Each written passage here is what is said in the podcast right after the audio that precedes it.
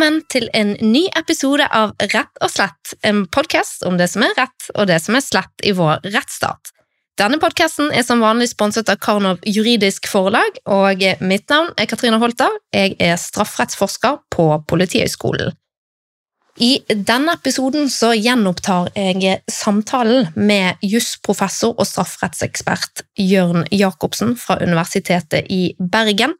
Vi snakket i forrige episode om eh, Drevdal-saken og samtykkelov. Og da, Jørn Jacobsen, da begynner vi egentlig rett, eh, rett der. Um, ville, hvis vi hadde hatt en samtykkelov på det tidspunktet disse handlingene fant sted i Drevdal-saken, ville det hatt noen betydning, tror du, for utfallet i saken? Det er to sider til det spørsmålet, og det ene går jo så å si på det kontrafaktiske. Altså at Hadde det vært en annen lovgivning, så hadde det vært en annen prosedyre i saken og eh, en annen bevisførsel. Hadde, for bevisføringa tar jo utgangspunkt i det som loven spør etter, det som loven vil at skal være bevist. Så, så, så vi veit ikke helt eh, hvordan det har blitt. Det hadde med et større fokus på eh, om det var samtykke eller ikke, så hadde vi nok fått mer bevisføring om den tvilen som eventuelt fantes, knytta til om det var avgitt samtykke, og eh, i en god del av tilfeller som eh, det, eller av tiltalepostene i Drevdal-saken der det blir frifinnelse, så handler jo en del av tvilen om hvorvidt det var samtykka til, eller få ut av stand osv., er jo på sett og vis et motstykke til et samtykketilfelle. Det er på en måte en slags negasjon av samtykke, der du på en måte helt mangler samtykkekompetanse osv. Så, videre. så det hadde blitt en annen sak, i hvert fall i deler. Det hadde blitt en litt annen bevisførsel osv. Eh, eh, hvorvidt det hadde blitt et annet resultat, veldig vanskelig å si. Og det handler litt om den andre komponenten òg. For når vi snakker om at hadde det vært en samtykkelov, så må vi på en måte presisere hva er det vi mener med en samtykkelov. Mm. Og da er vi på en måte allerede kommet til det veldig utfordrende aspektet ved dette. For noen synes å tenke på at vi skal ha en samtykkelov der det skal så å si stå samtykke, ordet samtykke, i voldtektsstraffebudet. Mm. Det er jo en mulig samtykkelov. Men hvis det er kriteriet for en samtykkelov, så har jo f.eks. verken Sverige eller Tyskland samtykkelover. Mm. De har andre beskrivelser av det manglende samtykket, og det kan komme i veldig mange ulike former. Eh, I Sverige er det uten frivillighet. Ja, ei frivillig deltar, som det står mm. der. Eh, og så, så her, det, det, kommer i veldig mange ulike former som kan stille større eller mindre krav til samtykke, eller mangelen på samtykke, eller lignende. Så det, i realiteten snakker vi om et ganske stort spekter, mm. og det er fullt mulig å tenke seg et, et veldig strengt samtykkekrav, Sånn at du Det må være dokumenterbart at man har, vært, at man har hatt et informert og eksplisitt artikulert samtykke. Det er jo én mulig variant, og, i, og, kanskje der også den tiltalte eller den ene personen pålegges ansvaret for at det finnes et sånt samtykke før det skjer noe. Det er jo én mulig variant, men det er samtidig en variant som vil kriminalisere veldig mange tilfeller av seksuell interaksjon som vi i dagliglivet vil oppleve som uproblematisk. Så, mm. så, her er, så når vi snakker om hadde et samtykke endra utfallet av denne saken, så avhenger jo det litt av ja, hva slags type samtykkelov er det vi egentlig snakker om. Ikke sant. Og det som eh, er viktig å få med seg, eh, og som jeg nevnte så vidt eh, innledningsvis i forrige episode, det er jo at vi har et straffebud i dag som faktisk er formulert på den måten, med samtykke brukt i, direkte i gjerningsbeskrivelsen. En annen ting, altså eh, Når vi snakker om samtykkelov, bare til dere lyttere, bare en sånn liten eh, må skyte inn her, fordi det kan eh, kanskje være litt forvirrende. Det høres ut som vi skal vedta en helt ny lov som handler om regulering av samtykke. Det er ikke det det handler om. Altså, uh, det handler jo om hvordan du skal utforme det som vi kaller gjerningsbeskrivelsen, altså beskrivelsen av den handlingen som skal være straffbar i straffeloven, altså gjelder straffelov, i straffebudet mot voldtekt. Men så har vi da altså en egen, et eget straffebud som går på eh, seksuell handling uten samtykke, og som heter nettopp det. Det heter ikke voldtekt, men det rammer altså det, og har en strafferamme på opptil ett år. Og en av grunnene til at eh, dette straffebudet ikke kommer til anvendelse og ikke blir vurdert i Drevdal-saken, det er jo nettopp det at eh, det forholdet, altså forholdet vil være foreldet etter dette straffebudet. Fordi det er sånn at um, i en gjerningsbeskrivelse sant, så har du en, du har en norm som beskriver den forbudte handlingen, og så har du en, en, reaksjonsnorm som sier om du kan idømmes bot eller fengsel, og, og opp til hvor lenge den fengselsstraffen da skal eventuelt vare. Da snakker man om strafferammen.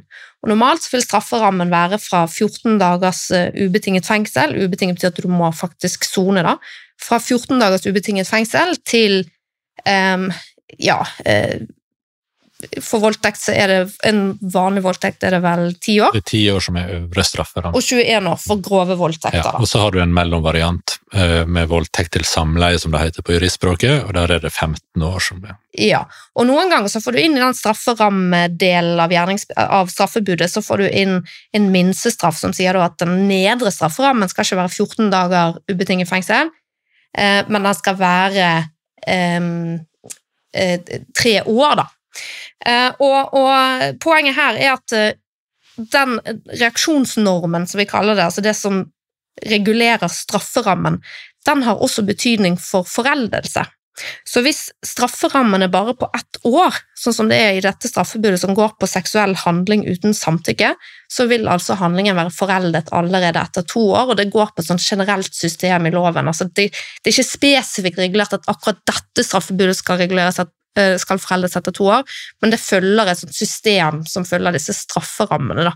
Og Strafferammene da angir da, altså dette spennet som domstolen kan da eh, hva skal vi si, boltre seg innenfor med mer eller mindre frihet på, i forhold til hva som er etablert praksis. Da. Mm.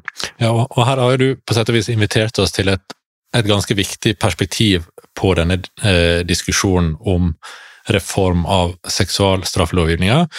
Og det er jo at i utgangspunktet, eller etter gjeldende norsk rett, all form for fysisk seksuelle krenkelser er straffbare etter norsk rett i dag. Det er det ingen tvil om, og det er vi internasjonalt forplikta også til å ha.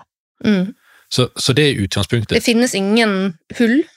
Nei, altså eh, Det eh, Du kan godt, Det kan godt tenkes at du kan komme opp med, og det kan vi diskutere senere, med tilfeller som du kan si er klanderverdige og så problematisk at de bør gjøres straffbare, men det, i, i, de tilfellene der vi på en måte har et, en, en, seksuell fysisk krenkelse, og det ikke foreligger samtykke til det, så kan man i hvert fall bruke 297, som du nevnte. Ja, altså seksuell handling uten ja. samtykke. Sånn at, så utgangspunktet er egentlig ganske greit her, at området for det straffbare i dag er omfattende og dekkende eh, for det vi typisk sett vil regne som seksuelle krenkelser, og det vi menneskerettslig sett, konvensjonsmessig sett, er forplikta til å straffe. Så det, det, er en viktig bakgrunn.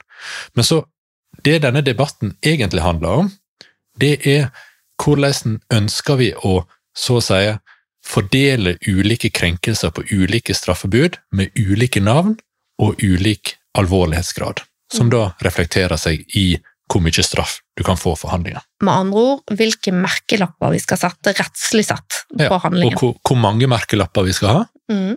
og hva skal merkelappene være. Mm. For det er f.eks. ikke gitt at vi skal ha et straffebud som heter voldtekt. Mm. I Tyskland for eksempel, så har man ikke et eget straffebud for voldtekt lenger. Voldtekt, den termen altså, er et skjerpende tilfelle innenfor seksuelle, kategorien seksuelle overgrep, for eksempel. Aha. Så her er, her det, det er en, en, Nærmest på en måte en uendelig mange muligheter mm.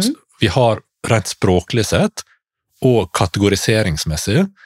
Og utfordringa for de som skal lage et sånt straffebud, blir også å ta stilling til hva slags type krenkelser finnes det, hvordan skiller de seg i alvorlighetsgrad, hvor finmaska skal vi dele inn dette, og hvor mye straff skal de ha, de ulike krenkelsestypene. Mm. Og sånn sett kan vi si at når man snakker om en samtykkelov, så snakker man typisk sett om voldtektsstraffebudet, og at det på en måte skal handle om samtykke. Ja, og det gjør det jo ikke i dag. Så det man, det man vil i en samtykkelov, er jo da egentlig å For vi har jo det i en egen bestemmelse, det bare heter ikke voldtekt. Ja, Når du sier at, at, at det handler ikke om det i dag, så det, det handler ikke bare om Nei, ja. samtykke. Fordi at det Samtykke har veldig stor betydning også i voldtektsstraffebudet i dag. Ja. Så, så du kan jo fint samtykke for eksempel, til å ha seksuell omgang som innebærer ting som vi ellers vil tenke på som voldshandlinger. Mm. Det har du adgang til. Og gir du et samtykke til et slags rollespill eller et eller annet sånt som skal innebære trusler i hermetegn, da altså, så vil jo det, det også være helt ok, fordi at, at du, har, du, har, godtatt det, og trusselen vil jo ikke være reell i et sånt tilfelle. Mm. Og til og med du kan samtykke til at man vil eh, legge seg og sove, og ønske at partneren skal eh, gjøre handlinger med en sånn F.eks. før man våkner, eller et eller annet sånt. Det, så lenge det, det man, den interaksjonen som skjer er samtykkebasert, så kan den også inneholde element som vi typisk sett forbinder med voldtekt. Og som vil da, altså at samtykke vil virke frifinnende, selv om ikke samtykke er brukt som et straffbarhetsvilkår. Ja, så det, det, er på en måte en del av voldtektsstraffebudet også, og samtykke er i det hele tatt på en måte den store så å si, grenseskillet for alle seksualforbrytelsene.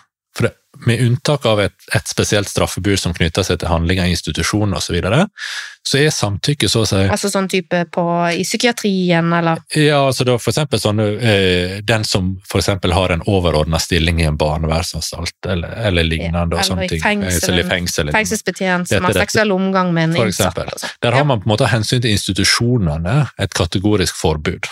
Ja, og pga. maktforholdet, da? Eller? Ja, ja, absolutt, men, men selv om du på en måte skulle, skulle, i den konkrete saken tenke at maktforholdet her er ikke særlig problematisk, at det er balanse mellom dem osv., så, videre og sånn, så, så, så, er straffebudet Det tar ikke hensyn til den type ja. samtykkeaspekt, fordi at hensyn til institusjon er viktig. Men det er en, et unntak. For øvrig så er samtykke veldig viktig i seksualstrafferetten, og veldig mange av de kriterier som finnes på, i ulike straffebud, er uttrykk for samtykkebetraktninga. Mm. I et annet straffebud, dette 295 om misbruk av overmaktsforhold, så de handlingene som regnes opp der, er jo typisk sett tilfeller der det er iallfall veldig problematisk å snakke om et reelt samtykke fra mm. den som eksempel er står i et avhengighetsforhold, er psykisk syk eller, eller, eller lignende osv. Mm, ja, for du kan jo da, det finnes et straffebud i straffeloven som rammer den som eh, skaffer seg seksuell omgang med en person som riktignok er over seksuell lavalder, eh, og som i prinsippet eh, ja, Det er ikke en samtykke, men en slags det, det, er ikke noe det er ikke tvang involvert i det, Eh, men det kan være en person som eh, Det kan være lærer-elev-relasjon, eller det kan være eh, ja, ulike former for maktubalanser mellom disse. Det kan være en politiker og en asylsøker det har vært dommer på. Sånne ting, da. Men der står det faktisk i forarbeidene at det skal da være en situasjon der det ikke foreligger et reelt samtykke. Ja, og det som, det som du er inne på her, på en måte viser jo noe også av kompleksiteten ved samtykkebegrepet i seg sjøl. Fordi at du har på den ene ytterkanten så har du de klare tilfellene der du klart ikke samtykker, og så på den andre ytterkanten så har du de tilfellene der du er både samtykkekompetent, du, du er tilstrekkelig informert om hva du samtykker til, og du avgir et klart samtykke. Men mellom de to så er det mange sånne grensetilfeller der det kan være svekkelser både med tanke på din kompetanse til det, hvor mye informasjon om situasjonen du har. Kan, altså, et eksempel på det siste er disse personforvekslingstilfeller. Det er blant annet et sånt Bjørneboe-tilfelle som av og til blir nevnt, der på en måte man har sex med noen som går med på den seksuelle aktiviteten fordi at man tror at det er ens partner man har sex med, og sånt, for kanskje det er mørkt og den type ting. Og så videre. eller det er tvillingbroren, sånn som det alltid er i sånne amerikanske reality eller ikke reality, men såpeserier. Det, det, er et eksempel. Sånn at, mm. Og da blir spørsmålet liksom alle disse komponentene som går inn i det vi tenker på som en samtykkevurdering, hvor store mangler, svakheter og, og så videre og sånt skal være med det før vi sier at nei, nå var ikke det samtykke til dette. Det vi vet fra andre deler av strafferetten, for samtykke er viktig i veldig mange deler av strafferetten, det er formuesforbrytelser og alt mulig sånt, det er at disse vurderingene er veldig kompliserte. Ta for eksempel denne her saken med hun her yngre jenta som eh, hvorvidt hun kunne samtykke til å få injisert narkotika. Hvilken sak var det?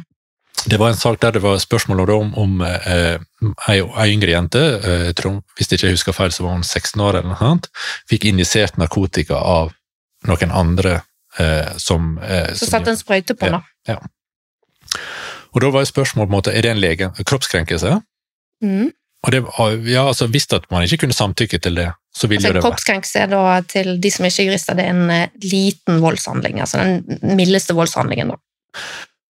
Og hvis at man ikke kan eh, eh, kunne, Hvis ikke hun kunne samtykke til det, så var det åpenbart at dette vil jo være en krenkelse av hennes fysisk integritet. Mm. Kunne hun samtykke til det, ja, da fikk jo Høyesterett en veldig komplisert vurdering av eh, hva slags erfaring hadde hun med dette, informasjon osv., og, så og det ble en veldig sånn nyansert vurdering, der man til slutt kom til at hun var samtykkekompetent til dette. Mm. Men det kom jo bare etter til en, en veldig sånn konkret vurdering av den personen.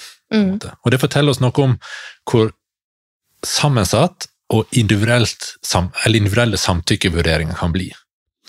Så, så det er jo også en ytterligere komponent i hva skal jeg si, det store bildet her, er at det finnes mange varianter av samtykke, og det avspeiler hvor komplekst og sammensatt samtykkebegrepet i strafferetten i seg sjøl er. Mm. Men det der er med samtykkekompetanse, det er jo også um, noe som er kjent eksempel fra, um, fra psykiatrien og tvangsinnleggelser, ikke sant? Og så at hvis de er syke nok, så, så på en måte um, kommer man frem til at uh, de, har, de er ikke samtykkekompetente, og da kan de innlegges mot sin vilje. Eh, og dette med samtykkekompetanse, det, um, det er jo også ufattelig komplisert. Altså, hvem, altså, hvem skal avgjøre om den 16-åringen da Ja, det blir jo Høyesterett som måtte avgjøre det, da, men, men hvordan skal man egentlig få det til på en sånn måte at em, At det ikke blir paternalistisk overfor den personen som da blir fratatt liksom evnen til å gjøre vurderinger for seg sjøl? Ja, og det, da er vi på sett og vis litt sånn tilbake igjen til eh, det vi snakka om i forrige episode, dette med rustilfeller. Fordi at rus svekker vår dømmekraft og vår evne til å både skaffe oss informasjon, reflektere og gjøre forstandige standpunkt til ting. Og så kan man samtykke til å ruse seg, det gjør man, man inntar alkohol osv., så, videre og sånt. så, så der er jo en samtykkekomponent i det å ruse seg osv. Og så blir jo spørsmålet da, hvor mye skal vi tåle at enkeltindivid svekker sin egen dømmekraft og blir med på ting som de kanskje i ettertid vil oppleve som ubehagelige, og noe de ikke hadde ønska at skulle skje, osv. Mm. Det kan vi individet et sterkt vern mot, f.eks. å forby seksuell omgang i rusa tilstand. Og sa at, eh, man får bare sex med folk som er edru, for vi ønsker ikke at noen skal så å si, ta avgjørelser eller bli pressa eller øh, lignende sånt, i en tilstand der man ikke er helt seg sjøl. Det kan man tenke seg. Men det kommer jo på, en, en, på en bekostning av at, at du fratar individ, en, som i dette miljøet, en frihet til å ha seksuell omgang i rusa tilstand, og noen eh, ønsker kanskje den opplevelsen av kombinasjonen av rus og sex. Det kan jo være en eh, seksuell praksis som, som, noen rimeligvis kan ønske seg og være helt komfortable med.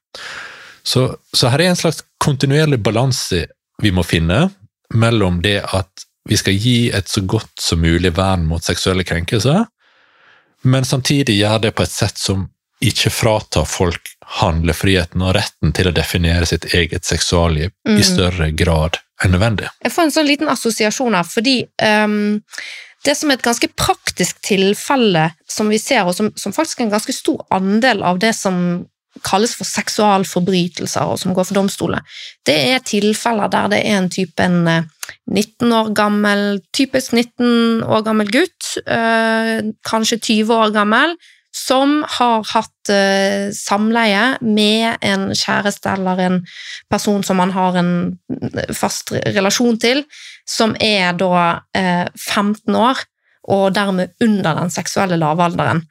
Uh, og i disse situasjonene, sant, så, og, og de kommer ganske ofte til retten, og der er ikke det helt uvanlig at den 15-åringen er veldig motstander av at dette skal bli til en straffesak, men så er det noen voksne som har oppdaget det og meldt det til politiet, eh, og så, og så blir det det.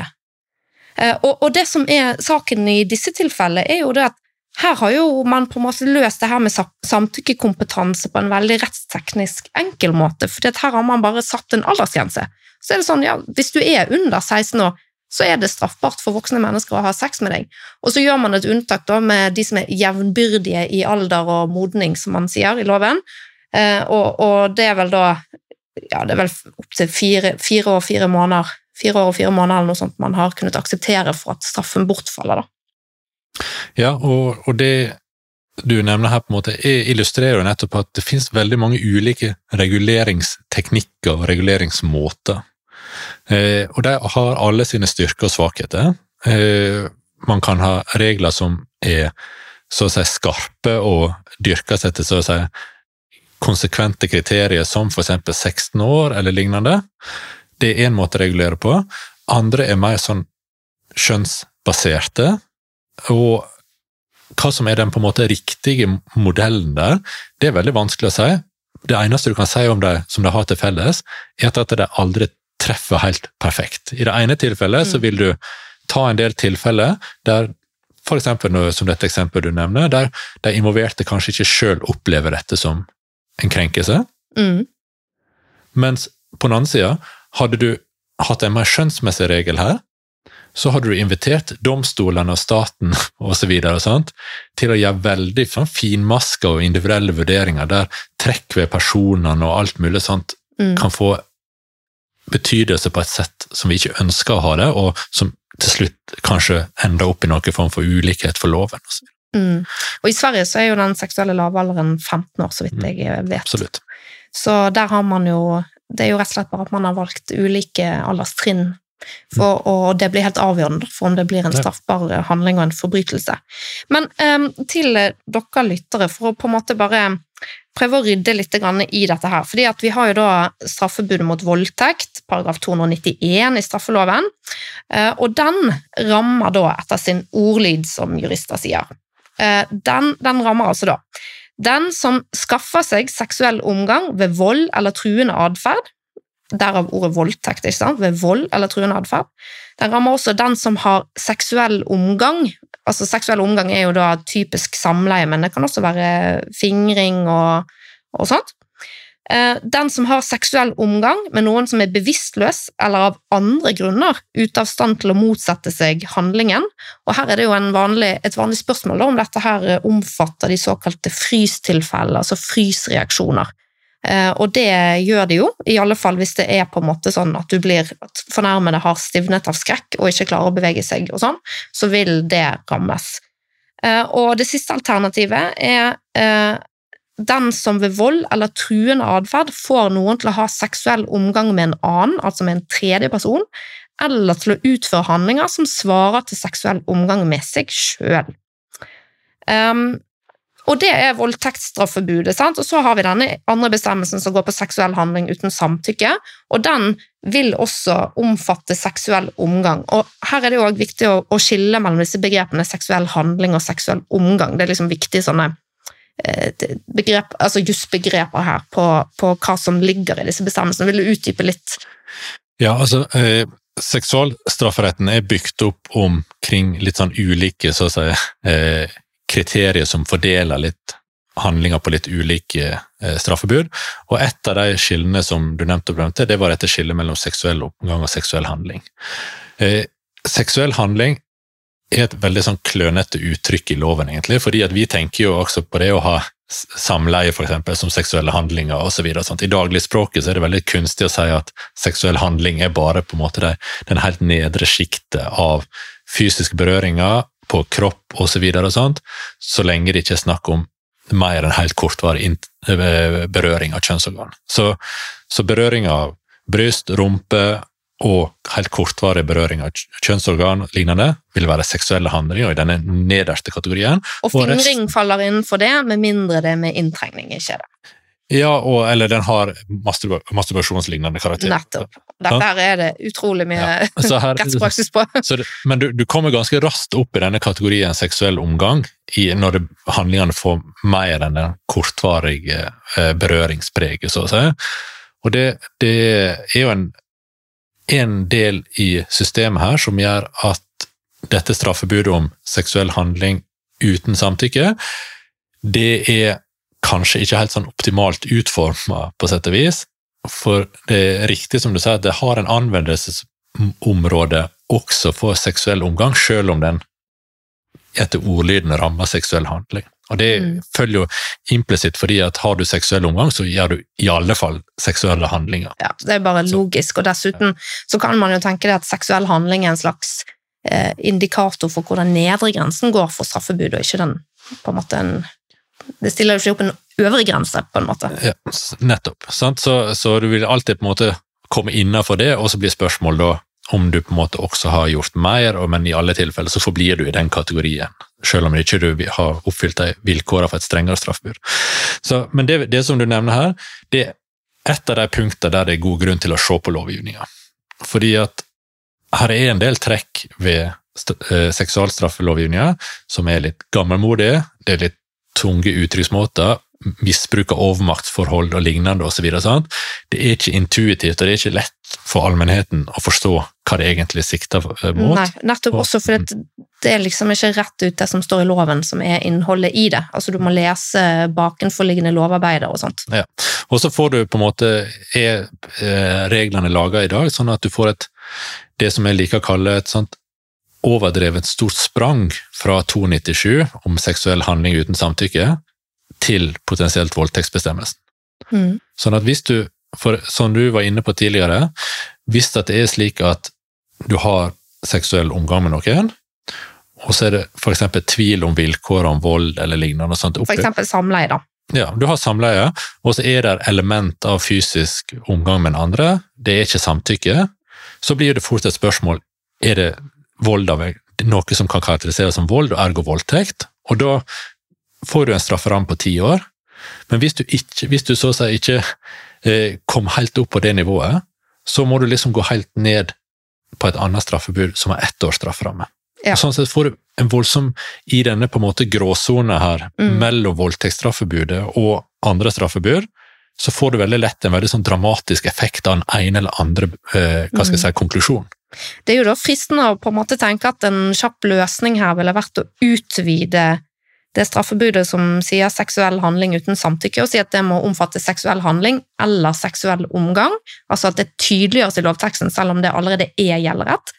Og at man øker strafferammen, eh, sånn at det ikke blir så stort sprang, og sånn at du ikke minst får ordnet eh, det her problemet med at sakene ofte blir foreldet før de blir ferdig eller før de blir anmeldt. Det, det er et mulig grep som, som vil, hva skal jeg si, bedre regulering i dag. Og så må vi også tenke inn at vi har denne bestemmelsen om parv 295 om misbruk av overmaktsforhold, eh, som også skal plasseres inn i dette bildet.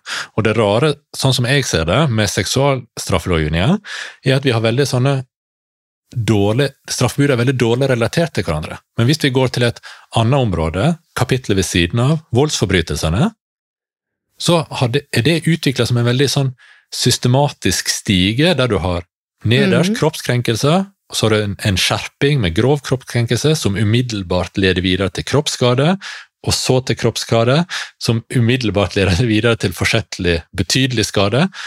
Og det er en veldig sånn Og så til drap til slutt. ja, og så til drap til slutt. Så, så der er det på en måte en sånn kontinuerlig stige av forbrytelser, og det blir ikke så utslagsgivende hvor du havner, Mm. fordi at strafferammene overlapper hverandre, og det som eventuelt de trekker av en mer alvorlig forbrytelse som finnes, kan du ta hensyn til innenfor strafferammen, og sånn sett så får du ganske klart og systematisk eh, markert de ulike forbrytelsene, og, osv.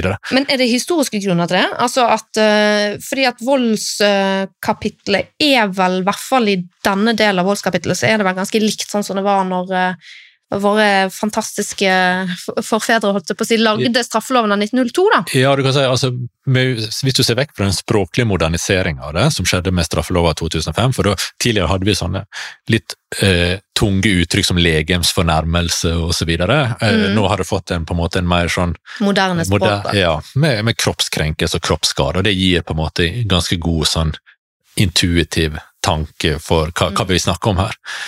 Det artige, om vi kan snakke om artige ting i denne sammenhengen i det hele tatt, eh, det interessante med Vi er seksual... fagfolk, det, er Ja. det må være unntak for oss. Seksualforbrytelsene var mer sammensatte før. Du hadde flere alternativ i straffeloven 1902 av straffebud, men som en del av reformen, særlig i 2000 som vi gjorde, så var en god del av de tilfellene flytta inn som voldtektstilfeller. Ja. Blant annet, vi hadde et eget straffebud for dette ute av stand-alternativet. Ja, nettopp. Så voldtektsbestemmelsen ble da utvidet. Man fikk voldtektsmerkelappen på flere ting. Det gjorde man, og i tillegg fikk man da dette alternativet eller straffebudet om grov uaktsom voldtekt. Ja. Så en, en viktig del av denne reformen eh, som skjedde i, i eh, 2000, var jo at man begynte å likebehandle en del tilfeller, f.eks. de såkalte sovevoldtektene, som eh, en god del vil regne som, som like alvorlig som et, et overgrep med vold eller et eller annet sånt. Så det, så det var jo på en måte det som var agendaen den gangen, Mm. å styrke vernet og sambehandle flere tilfeller som voldtekt. Men det hadde som en slags på en måte slagside, kan vi si, at litt av den på en måte fordelinga på ulike forbrytelser falt vekk mer på en måte systematisk sett. Og når du i tillegg da ser på at dette, denne 295 som vi har snakka litt om, som er en litt sånn X-faktor i det, den har en veldig sånn Hva er 295? det er misbruk av overmaktsforhold, rammer mm. annet tilfeller av utnytting av avhengighetsforhold, tillitsforhold, psykisk sykdom og lidelse, og også eh, personer under 18 år som er i en særlig sårbar livssituasjon, sånn som denne, kanskje du husker denne Tonje-saken som, var, eh, som NRK hadde en sak på for en stund siden, eh, som, som den eh, aktualiserte, og som kan tenkes til sånne rustilfeller, eh, i hvert fall i enkelte av dem. Den er, en, men den har en veldig uklar rekkevidde, Mm. Den rammer jo utnyttelsen. Sant? ja, og, og, og det er på sett og vis bra, fordi at eh, det er ingen grunn til at, at du si skal kunne utnytte noen seksuelt. Sånn, det, det, det det ingen grunn til. Liksom. Det, det bør være samtykkebasert også i, i den sammenhengen. Men eh, i det hele tatt så kan du si at seksualstraffelovgivninga av litt forskjellige historiske grunner er i dag i det er dårlig balanse i kapitlet. Det er en god del gamle og vanskelige merkelapper, og til dels sånne litt merkelige, sånn, eksempel dette nevnte med seksuell handling som en term på en helt sånn eh, spesiell type og mindre inngripende seksuelle aktiviteter, Ta noen på tuppene. Ja. for eksempel. Men at strafferettslig sett kan du si at et samleie er ikke en seksuell handling, og det, det er ikke umiddelbart enkelt for, for folk flest å forstå. Mm. Eh, Så, så her er en god del på en måte trekk ved eh, kapitlet som definitivt bør revideres. Og som i min bok så har jeg sagt at man bør se til kapittelet om voldsforbrytelsene og prøve å lage et tilsvarende system der, og Mm. på den måten bruke litt mer intuitive kategorier, få en sett av alternativ som gradvis overlapper hverandre, inkludert mm så det vi kaller sånne grovhetsalternativ, som kammeret. Og da vil du i en del tilfeller, mange flere saker, kunne få domfellelse med ganske alvorlige dommer, selv om du så å si ikke kommer inn på toppnivået med voldtekt, Mm. sånn som i dag. Men i dag får man inntrykk av at det er enten eller voldtekt, enten er det voldtekt, eller så er det frifinnelse. Det er helt klart. Og, Det, det, det gir ikke god mening for meg. altså. nei, eh, og, og det um, Voldtektsstraffebudet er jo også Altså det som man, og det, det her er det jo veldig viktig at lovgivere er oppmerksomme på. For når de gir en, et nytt straffebud eller utformer en gjerningsbeskrivelse, så har de ofte de grove tilfellene i tankene. Mhm. Men så tenker ikke de over, og de har ikke fantasi til, og det, det er det ingen som har på forhånd, til å overskue alle mulige tenkelige tilfeller som vil kunne falle inn under den beskrivelsen, altså som den handlingen som da er gjort straffbar. Og Det betyr at det blir en avstand mellom det som på en måte har vært lovgiverviljen, altså det som eh, i, i en snever forstand, det man har ønsket å ramme, og det som faktisk vil bli praktisert eh, og straffet under det straffebudet. Eh, og, det må man prøve å ta høyde for, sånn at man ikke bruker for generelle vendinger og termer osv. Fordi at, og, og det er da en særlig utfordring da knyttet til det som er minstestraff. Absolutt. Og fordi at Normalt så er det sånn at um, det er på en måte det lovgivers domene å utforme hvordan gjerningsbeskrivelsen skal se ut, altså hvilke handlinger skal være straffbare, og hvilke handlinger skal være straffrie. Så det er lovgiver som på en måte skal lage eh, grensene for straffansvaret, og så må selvfølgelig domstolen praktisere og trekke opp den grensen i praksis da med å tolke og prøve å finne ut hva lovgiver har villet. Men straffeutmålingen, altså hvor lang straff du skal få, hvilken reaksjon, om du skal måtte sone i fengsel eller om du kan sone på en måte, få en betinget dom som ikke blir sonet i praksis, eh, på andre områder, det er ikke sagt på seksualforbrytelsesområdet, men bøter og sånne ting, det er jo eh, domstolens domene. Der har jo de mye større frihet eh, og, og kan på en måte og, det er utrolig viktig, for det er de som ser enkeltmennesket, det er de som ser den enkelte handlingen som er oppe til bedømmelse de som er tett på, og det at de får den friheten til å gjøre rimelighetsbetraktninger, sånn at det blir et riktig resultat som tar høyde for alle de tingene som er umulig å ta høyde for når du bare lager en generell bestemmelse, er jo utrolig viktig. Absolutt. Og når da lovgiver lager minstestraffer, sant? og det, det, skjedde jo i voldtektsbestemmelsen fordi at man var sure fordi at eh, eh, voldtektsstraffene var for lave, mente man, politisk, og det ville man gjøre noe med, og nå ville man tvinge opp straffene. Og da vedtok Stortinget en minstestraff i voldtektsbestemmelsen på tre år. Og av en eller annen grunn så har det blitt i praksis sånn at det er fire år du får hvis det faller innunder voldtektsbestemmelsen. Og da tror jeg at veldig mange tenker voldtekt er samleie. Ikke sant? Men voldtekt kan jo også da være fingring, masturbering, Eh, det kan også være det som er Og det er nå for så vidt greit, men det kan også være typisk eh, to tenåringer Dette er en ganske ikke uvanlig sakstype. To tenåringer som begge er altfor fulle, og som har sex i fylla, og der den ene var for full til å motsette seg, og den andre var for full til å forstå det. Og så blir forsettet fingert, dvs. Si at du skal behandles som om du var edru. Det hjelper ikke å skylde på fylla. Og så blir man straffet, og så er det tre års minstestraff, og i praksis fire år, da, som er straffen. Og det, det, føles for strengt for en del dommere, og kanskje særlig for lekdommere, som ikke er vant til det, at det skal ligge der. De blir så overrasket at de Dette vet vi ikke, da, men, men mange tror da at derfor så blir det frifinnelse i flere voldtektssaker enn det ja. Det, er du enig i den analysen, eller ei? Altså, det, den, straffene er en kjempeviktig komponent i diskusjonen om hvordan seksualstraffelovgivninga skal utformes. Og det, ha, det, bør ha ganske stor innflytelse på hvor vide de enkelte straffebudet er. Og et, det er veldig interessant, syns jeg, at går du til Sverige, som vi veldig ofte blir sammenlignet med i denne sammenhengen, deres voldtektslovgivning er betydelig mildere enn vår. Hvordan da? Straffebudet er utgangspunktet på seks års fengsel. Det har også et alternativ Vårt er på ti år? Vårt er i utgangspunktet på ti år, men vi kan gå helt opp til 21 år i grove tilfeller. Mm. Og I tillegg til at de har en lavere så si, innslagspunkt, så har de også et alternativ for det de kaller for mindre alvorlige voldtekter.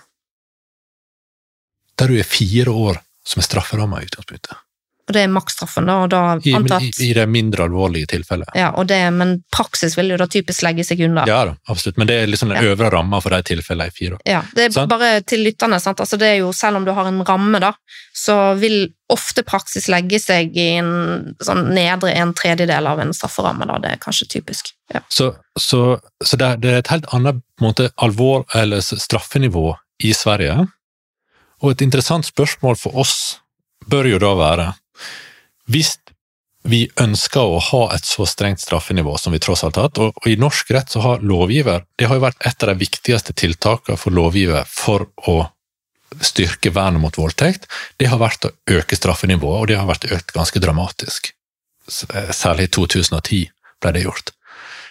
Ja, man, har mer, altså man har vel doblet straffenivået på voldtekt. Enkelte forbrytelser har man, eh, man det, og noen har man til og med gått lenger enn det. Og jevnt over så skal det være en 50% økning av straffenivået i Norge på de siste ti årene.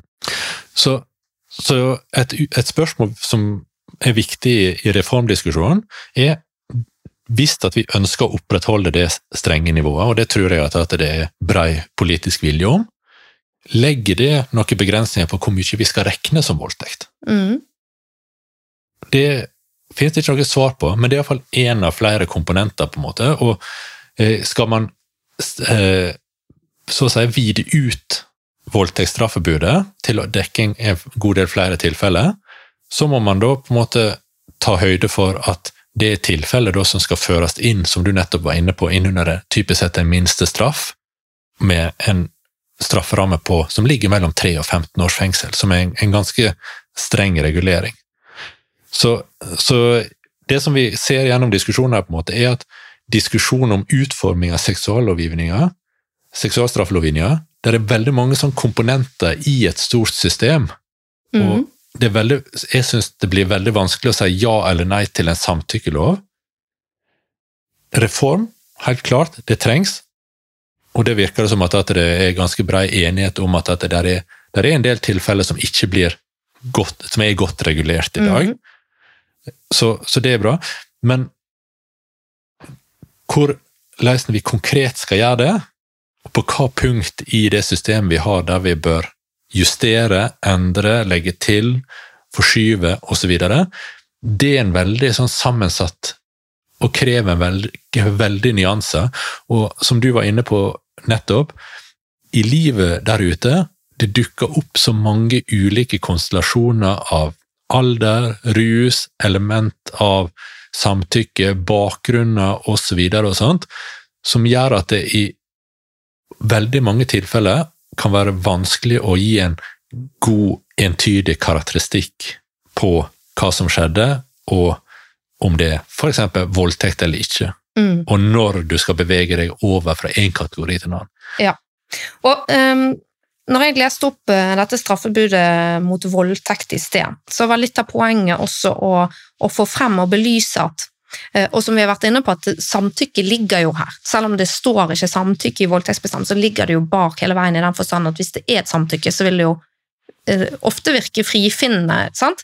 Men det man da er ute etter, eller det, måten man har utformet dette straffebudet på, er jo gjennom negasjon. Altså man, man beskriver eh, omstendigheter som man tenker vil utelukke et eh, samtykke. Og så leste jeg eh, litt i en bok til en svensk strafferettsforsker som heter Petter Asp, og som nå vel er høyesterettsdommer i Sverige. Og som er veldig interessant, kan anbefales til lytterne av rett og slett. Den heter Sex og samtykke, og må selvfølgelig også få lov å anbefale boken til Jørn Jacobsen om voldtektsstraffebudet. Men det som Petter Asp skriver, det er jo at eh, det, altså, det må være et utgangspunkt om at den vernede interessen i et voldtektsstraffebud skal være den seksuelle selvbestemmelsen, altså retten til seksuell selvbestemmelse. Og det handler jo om at måte, det å være et menneske, være en person, det, det, en måte, det forutsetter et minimum av kroppslig integritet, som han skriver.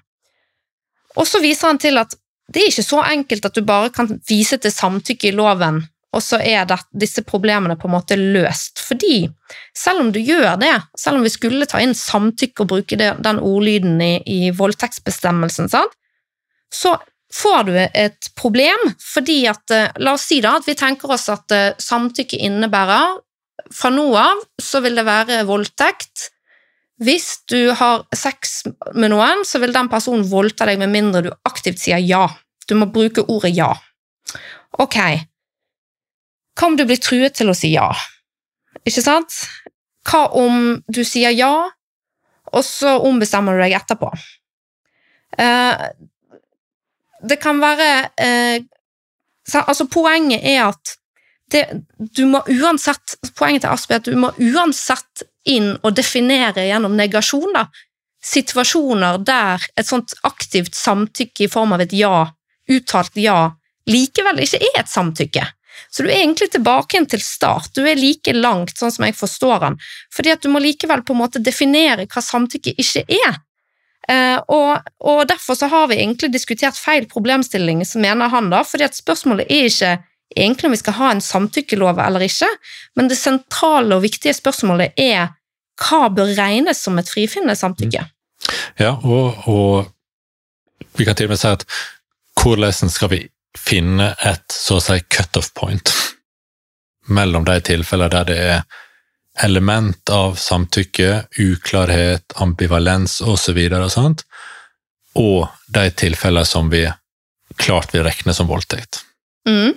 På et eller annet, Fra på en måte det klare samtykket via på en måte de gråsonetilfellene som det ofte blir snakka om, til de klare tilfellene av at dette er ikke ok. Der lovgivninga, for at den skal på en måte tilfredsstille ganske grunnleggende sånn rettsstatlig krav om klarhet og informasjon til borgerne om grenser for det straffbare, må finne et eller annet slags punkt som vi kan så si skille mellom, eller gjøre spranget fra. Og det, det, er veldig vanskelig. Selv har jeg sympati med den tyske løsninga, som på en måte legger opp til at, at man i det øyeblikket noen klart motsetter seg noe, så må du respektere det. Da er det liksom, da er ikke noe å diskutere lenger. Du kan ha gråsonetilfeller alt mulig sånt, som, eh, som kan være straffbar også eventuelt etter andre straffebud osv. Men har noen sagt 'dette ønsker jeg ikke', så fins det liksom ingen unnskyldning Nei. eller rimelig forklaring på hvorfor likevel Hvordan er dette formulert i den tyske straffeloven? Det er formulert et, eh, Jeg husker ikke helt akkurat den, den tyske formuleringen, det får du lese mer om i boka. Vi har tatt det inn der. Eh, men, men, det er altså på en måte dette med at det må finnes et, så å si, et utvetydig eh, en utvetydig eh, eh, motsettelse. Fra, altså det kan være f.eks. at, at man sier nei, man mm. markerer det klart fysisk eller lignende, men at det finnes et, så å si, et autonomiuttrykk fra den ene parten om at dette ønsker ikke jeg, jeg vil at du respekterer mitt nei. Ja. Og fordelen med det er at, at den gir oss et punkt, så å si, mm der vi i hvert fall kan si til den som likevel gjennomfører et samleie, at her fantes det ingen rimelig grunn til å helt tatt gå videre mm. med ditt ønske om samleie, fordi at den andre har tatt et standpunkt og avvist deg, osv. Det pleier ikke å være feil å se til Tyskland når det gjelder eh, Nei. juss og strafferett. Der er de et foregangsland. Men jeg så at du fikk eh, kritikk for dette i en bokanmeldelse i Klassekampen, og den kritikken gikk vel da på at man mente at uh, denne løsningen ville legge over på kvinnene ansvaret for på en måte å liksom eh, stoppe integritetskrenkelser det, det, det, det, synspunktet forutsetter at, at, man mener at det skal være straffritt eh, dersom man så å si ikke har, har en sånn avvisning. Men det, har jeg jo aldri sagt, på en måte, og, og, det er god grunn til å ha andre straffebud så å si, på stigen lenger nede på stigen, som fanger opp også andre tilfeller der du ikke har skaffa deg et samtykke. Mm. Det, sånn som jeg forstår på en måte den, eh, den, tyske modellen. For det som man har gjort i Sverige, er at man ikke ønsker å ta presis stilling til hvor går grensa. Man har, som du har sagt, eh, var inne på, her er noen så å si, negasjoner. Er det vold eller trusler, og sånt, så er det aldri samtykke. Men for øvrig så må domstolen litt navigere og prøve å ta stilling til om det var et tilstrekkelig autonomiuttrykk fra den ene parten til at vi kan si at det var frivillig. Utfordringa med det er at det flytter ansvaret for å definere rekkevidde av voldtekt fra lovgiver til domstolen. Det skyver så å si grensedragningsproblematikken over på domstolen. Jeg tror dette må du forklare litt nærmere. Fordi at hvis at vi sier det slik at regelen finner et ganske presist punkt og sier at der skifter det over til voldtekt. For mm. eksempel sånn klart motsatt eller et eller annet sånt. Mm. Så, så, kan man se etter på en måte en, et punkt, et uttrykk i verden fra, den, eh, fra eh, det påståtte offeret, som vi så å si kan si at der går du over til voldtekt.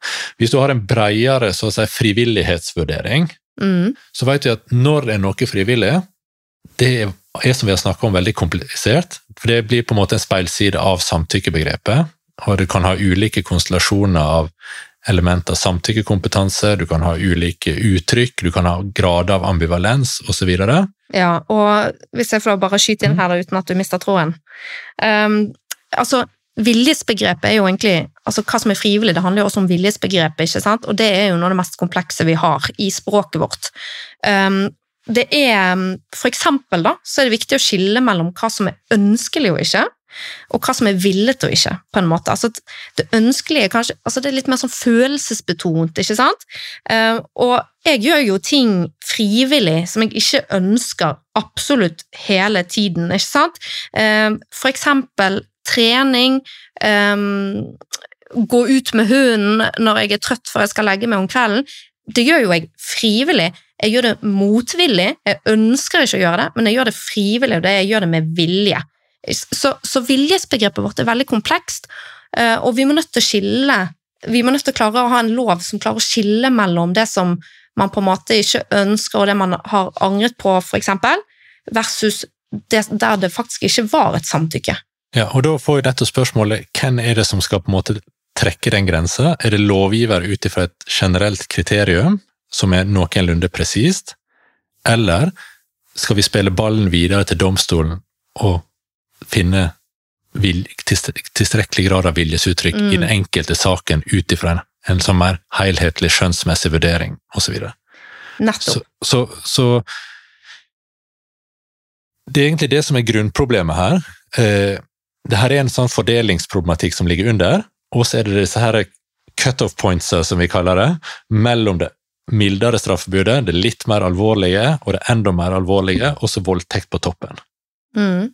Nå er det jo den tyske modellen her nå, sant? Ja, det er egentlig alle straff... Alle, eh, alle, all form for seksuallovgivning bygger på en sånn Ja. fordeling, men du kan ha ulike løsninger på disse her punktene Ja. der du bryter. For vi har jo allerede i dag vi har seksuell handling, vi har Seksuell krenkende atferd. Ja, det har vi enda underst igjen, ja. Og så er det seksuell handling, men hvis vi er på en måte i området for fysiske krenkelser, så er det seksuell Mm. handling, og så er det misbruk av overmaktsforhold, og så er det voldtekt, og så er det voldtekt til samleie, og så er det grov voldtekt på toppen av det. Så alle, alle land, det er ingen land som har ett straffebud for seksualkrenkelser og alle seksualkrenkelser. Ja. Alle har en fordeling, og så finnes det styrke og svakheter med ulike måter å dele det opp Mm. og skille mellom ulike krenkelser. Men vi Jeg tror har man kan få, eller i hvert fall jeg får av og til inntrykk av i eh, typisk politisk debatt at man skal liksom fordømme så mye at, at man tilslører at det er faktisk gradsforskjeller i krenkelser. Da. Og det er jo utrolig viktig at det må jo vi faglig sett ha eh, øyne for. Da. Jeg tror de fleste vil ha en oppfattelse av at eh, seksuelle krenkelser er alvorlige i seg sjøl, men at de kommer likevel i ulike grader av alvorlighet. Og det vår lovgivning avspeiler det, den svenske lovgivninga avspeiler det, osv. En strafferett som så å si drar alle under én kam i denne eh, sammenhengen, blir veldig urettferdig og lite beskrivende for hva slags krenkelse offeret er utsatt for. Og det er liksom en viktig del både for offeret og for samfunnet å få markert ulike krenkelsestyper, for det bidrar til å på en måte tydeliggjøre normer og trekk ved den seksuelle etikken vår i allmennhet, kan man si. Mm. Og det som ligger bak her, er jo òg det som går på fair labeling, som mange snakker om i jussen, altså at det skal være en rettferdig merkelapp på den handlingen. Eh, Jeg er generelt eh, opptatt av at man eh, i, i strafferetten ikke skal tømme begreper for innhold. Um, voldtekt er jo et ord som, har, eh, som spiller på vold, ikke sant? Eh, Vold og trusler. Um, og, og har et stort alvor, og, og har også en viktig markeringsfunksjon ved at det rammer de grove, altså grove tilfeller av seksual grov, De grovere eller groveste tilfellene. Eh, og det er viktig at det ordet voldtekt og begrepet ikke på en måte blir så utvannet da, ved at man tar opp i det ting som kanskje hører til på et trinn under i hierarkiet. da, at eh, man mister den viktige markeringseffekten eller funksjonen som det ordet har. Um, så ja. Ja, og, og det som jeg, jeg, tror på en måte, det er klart sånn at det er en, på en, måte en språklig bevegelse. At man tenk, bruker ordet voldtekt på et annet sett i dag enn tidligere, og at på en måte man tidligere hadde en snevrere forståelse av hva voldtekt var, og så har vi inkludert mer og mer i det. Eh, så det, bidrar jo til den på en måte endringa i språkbruk her, og sånt, den bidrar jussen til å bli påvirka av, osv. Men i uansett hvordan vi tenker om disse rekkevidder, disse termene osv., så, videre, så god lovgivning har nyanser, tror jeg. Og de som skal lage disse reglene, får jo da på en måte i oppgave også forsøke å gi oss et nyansert regelverk som dekker de ulike formene for seksuelle krenkelser, men også markerer forskjeller med det, som i sin tur da blir utslagsgivende for hvor strenge straffene skal være mm. på de ulike punktene. Så dette, dette handler om, egentlig om å bygge opp et system som samspiller med dagliglivets språkbruk, men også bidrar til å påvirke det, osv. Og så handler det til slutt om sam, hvordan samspillet mellom lovgivning og domstoler skal være. Hvem skal ha ansvaret? Og en viktig del av vår grunnlov er jo at det er lovgiver sitt ansvar å markere grensene for de ulike straffebudene og være tydelig med det. Det handler ytterst sett om en slags maktfordeling, og at vi mm. skal lage regler som er generelle og ikke individuelt tilpasset. Men hvis man skulle hatt en samtykkelov, da, um, som, som Var det du som nevnte det før vi begynte, dette med sånn bank-ID-løsning? Ja, altså, det, har, det er veldig mange ulike Det blir jo nesten forslag. litt sånn komisk utslag av dette her, da? Ja, altså, eh, det er ingenting i veien med å ønske seg at vi skal få mer, så å si, bedre samhandling mellom mennesker og tryggere samhandling mellom mennesker i seksuell sammenheng. Det, det, det er et helt rimelig ønske. og sånn. Men de aller fleste forsøker på å ramme inn, strukturere og sikre så å si, dokumentasjon og notoritet innenfor et område som er så komplekst, som handler om en sånn subtil og nær eh, interaksjon mellom mennesker, der vi har, har, ulike praksiser, vi har ulike uttrykk, ulike mm. ønsker og alt mulig sånn.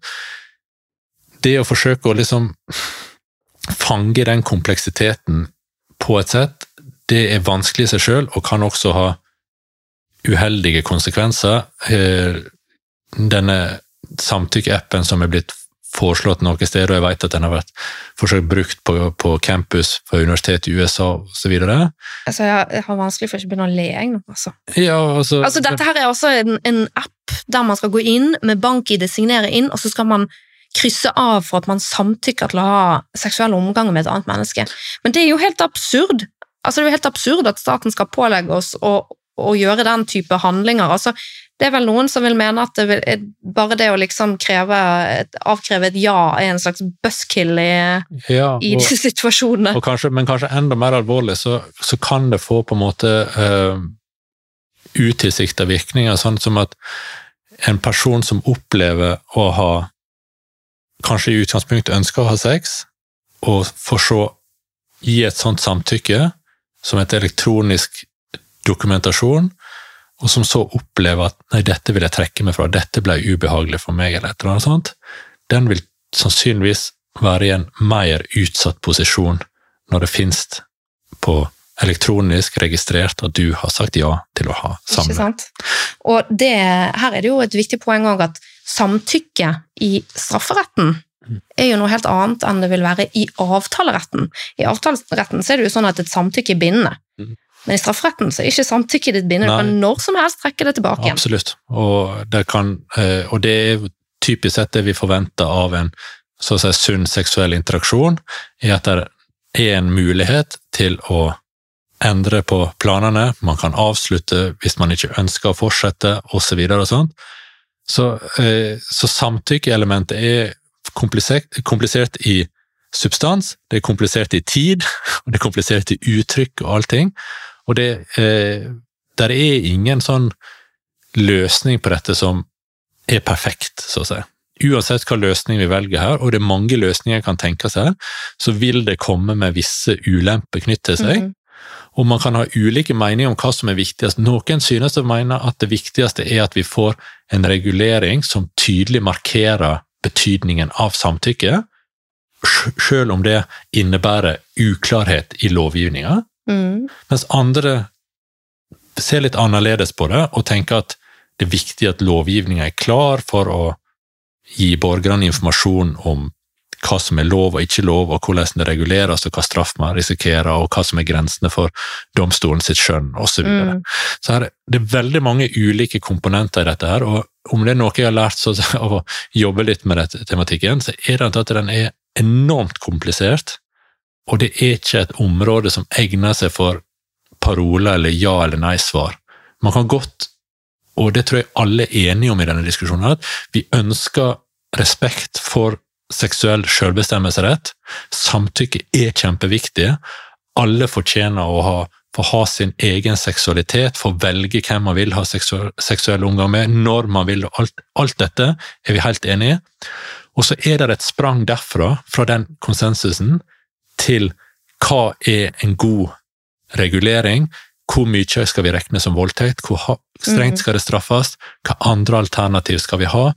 Og hvordan skal lovgivninga utformes? Så Da er vi tilbake ja. til det vi snakka om i forrige episode, forholdet mellom juss og moral osv. Eh, der er det en viktige sammenhenger, og strafferetten skal beskytte vår seksuelle selvbestemmelsesrett, mm. men akkurat hvordan en konkret skal gjøre det, og sånt, det er et enormt komplisert, vanskelig og eh, sammensatt problem som mm. man ikke kan gi en sånn one-liner på, tror jeg. Ja, og samtidig som på en måte du har den problematikken med um, at alle mulige krav som skal gi notoritet til et samtykke, kan ende opp med å bli brukt mot deg da, i en bevissituasjon, ikke sant? Så har du på den annen side det med eh, Eller egentlig trekker i samme retning, det her med at er det prinsipielt heldig at staten skal gå inn og regulere hvordan du skal samtykke til sex, på en måte, og at du skal si det høyt, at du skal måtte Altså eh, signere på noe eller si noe høyt eller eh, hva som helst. Altså Konkludent atferd er jo det som er naturlig for eh, folk flest, og jeg tror mange vil reagere på at staten skal ha en sånn detaljregulering av livet ditt. Det er det er sikkert mange som tenker.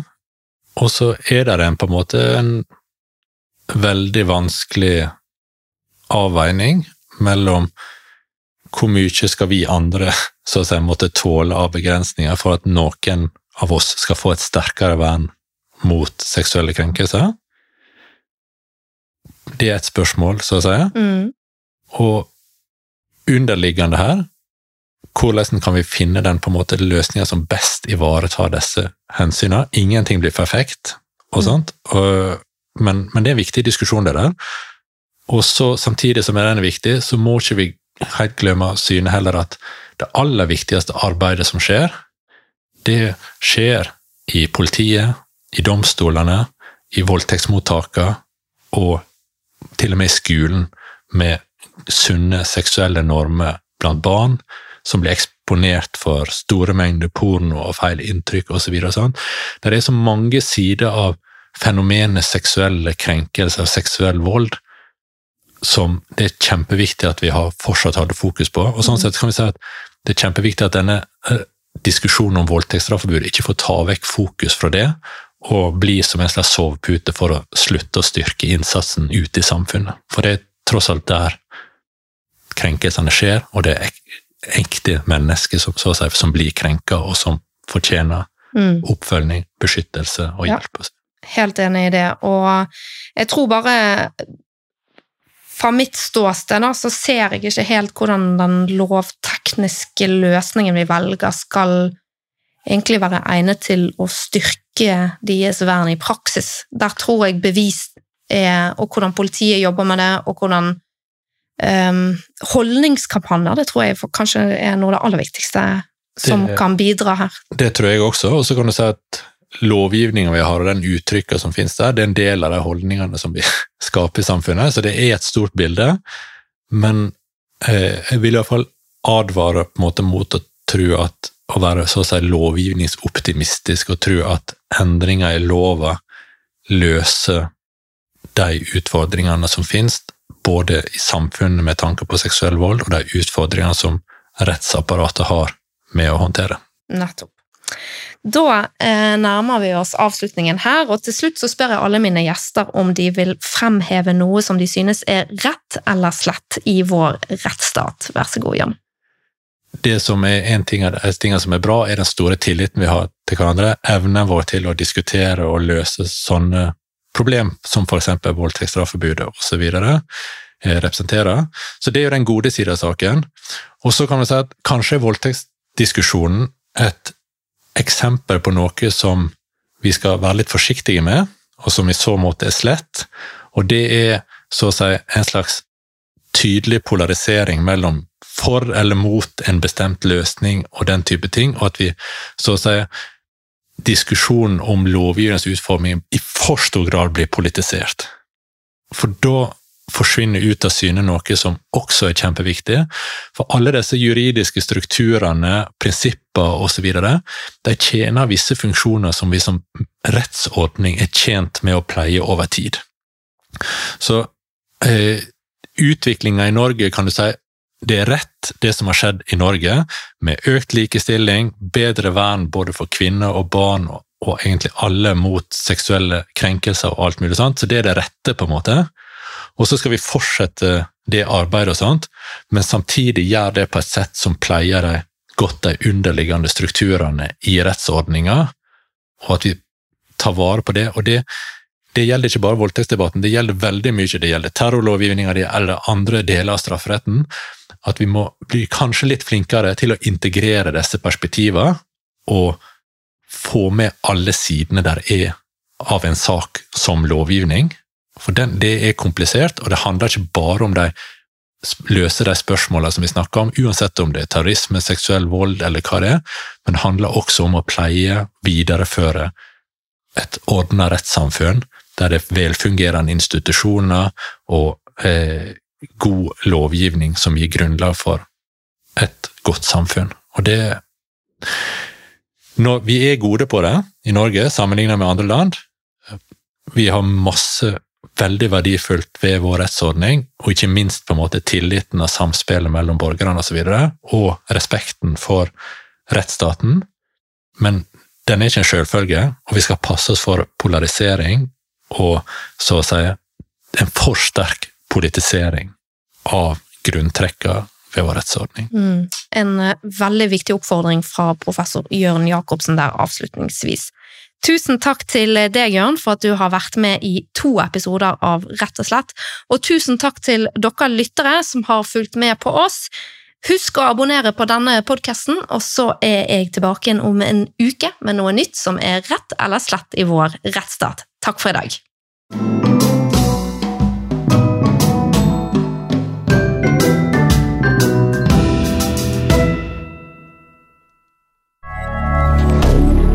Moderne media.